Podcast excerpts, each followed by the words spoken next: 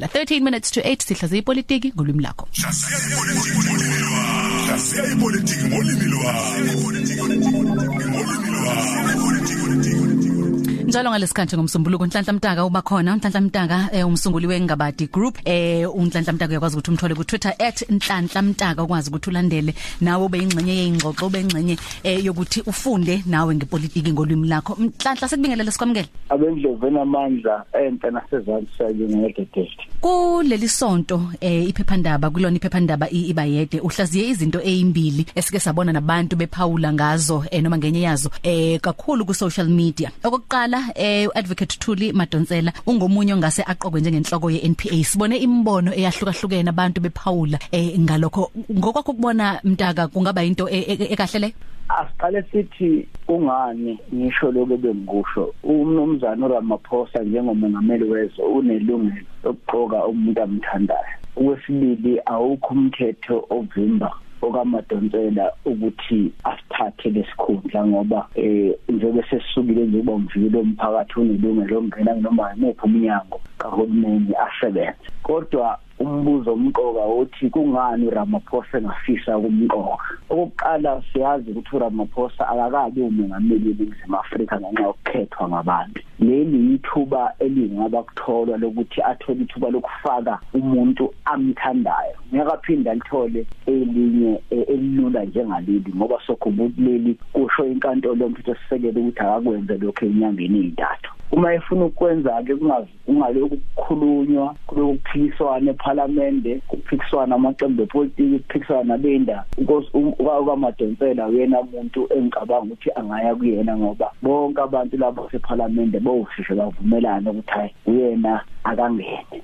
Okwesibili okamadonsela uyathandwa yilabo abatshali imali ngaphandle nangaphakathi lapha eNingizimu Afrika. uRamaphosa ke useyivezile ukuthi umuntu ongabaxwayi labo bantu abathanda abatshali imali. Isibonelo ubuyisa uPravin Godani wabuyisa umuntu obisi Jonas wabuyisa uTrevor Manuel. Bonke abantu abathandwa abatshali imali. Ngakho ke uyobe enza into ejwayele ukusondeza abantu abazokwazi ukuthi abatshali bemali bangalokhu bethimula ngoba akathandi makwenza lokho.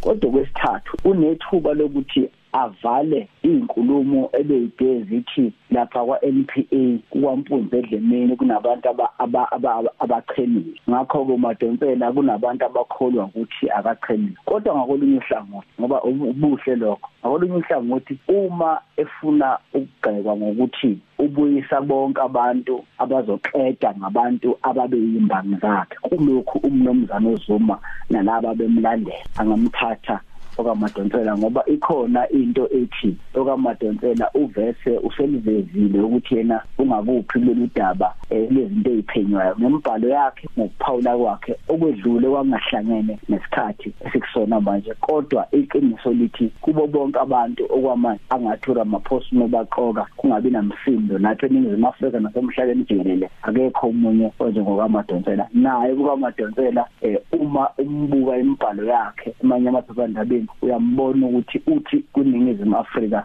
ngikhona uthi kumengameli Thumami kulona ke iphephandaba iba yede mtaka. Uxwayise ngeingqinamba ezizobhekana nekhomishani kamehluleli uzondo eqala namuhla. Ake wena iqiniso lithi le commissioner iyadingeka ifike ngesikhathi esikahle la khona sizosivezela ukuthi yini eyenzeka. Kodwa elinye iqiniso lithi abantu baseNingizimu Afrika bathanda ukukhuluma emaphepheni uma sekuthiwa bayofakaza ababibikho uzokhumbula ikhomishana kade ikhona kaShereti akade iphenya ngekhali kwakhulunywa lapha abantu bavela amankanka. Kuthiwa mase mahlulile sehlile sebabuza basebethi hayi abanye bayagula abathi abanye sebephesheya abathi abanye bona bashongo njalo ngamafuphi naye umahlulile uzondo ngeshwa lakhe uzobona ukuthi abantu ade bekhuluma sizothola abantu ade sibezofunda ngabe emaphepheni ngamafuphi ngesitho ukuthola into entsha okwesibili abanye abantu ngeke beze bekumnandi nje ukubhala ngoba abanye abantu kufuneke babizwe noma bayizele bona. Iy'ntatheli kade ibhala engazi ukuthi sezingabameli nazo engazi ukuthi sezingabaphenyi nazo. Bonke labo bantu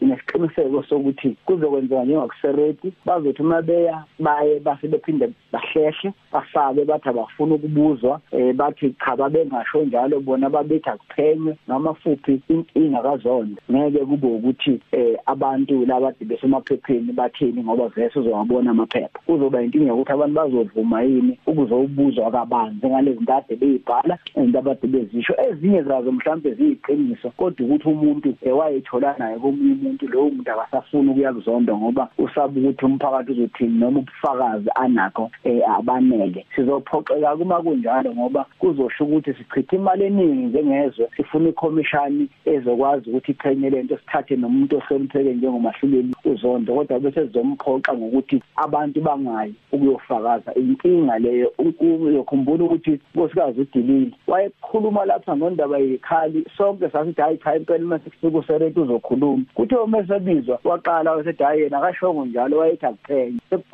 umdeki esethi cha phela akaveze ubufakazi akabuvezanga namhlanje. Bonke babekhuluma ngekhali dadewethu abekho omunye uphesheya unkosikazi udilile wathi hayi yena wayengasho njalo wayethi akuphenye nalana-ke sizothola into efanayo sizoza umuntu othi hayi ngabizwe endlini yakagupta kwahle sekumile njalo uzoshinto le kade siyifunde ngaphepheni ayikho into entsha ezoqhamuka ishwa elizokwenzeka kule commission. Mtaka kuzwakala kahle kakhulu sibonga kakhulu. Umlaleli ungamlandela ke @nhlanhla mtaka. Ku Twitter isikhathi 6 minutes to 8 lena yivuka mzansi kukhosi FM sidinga indaba eshisa phansi.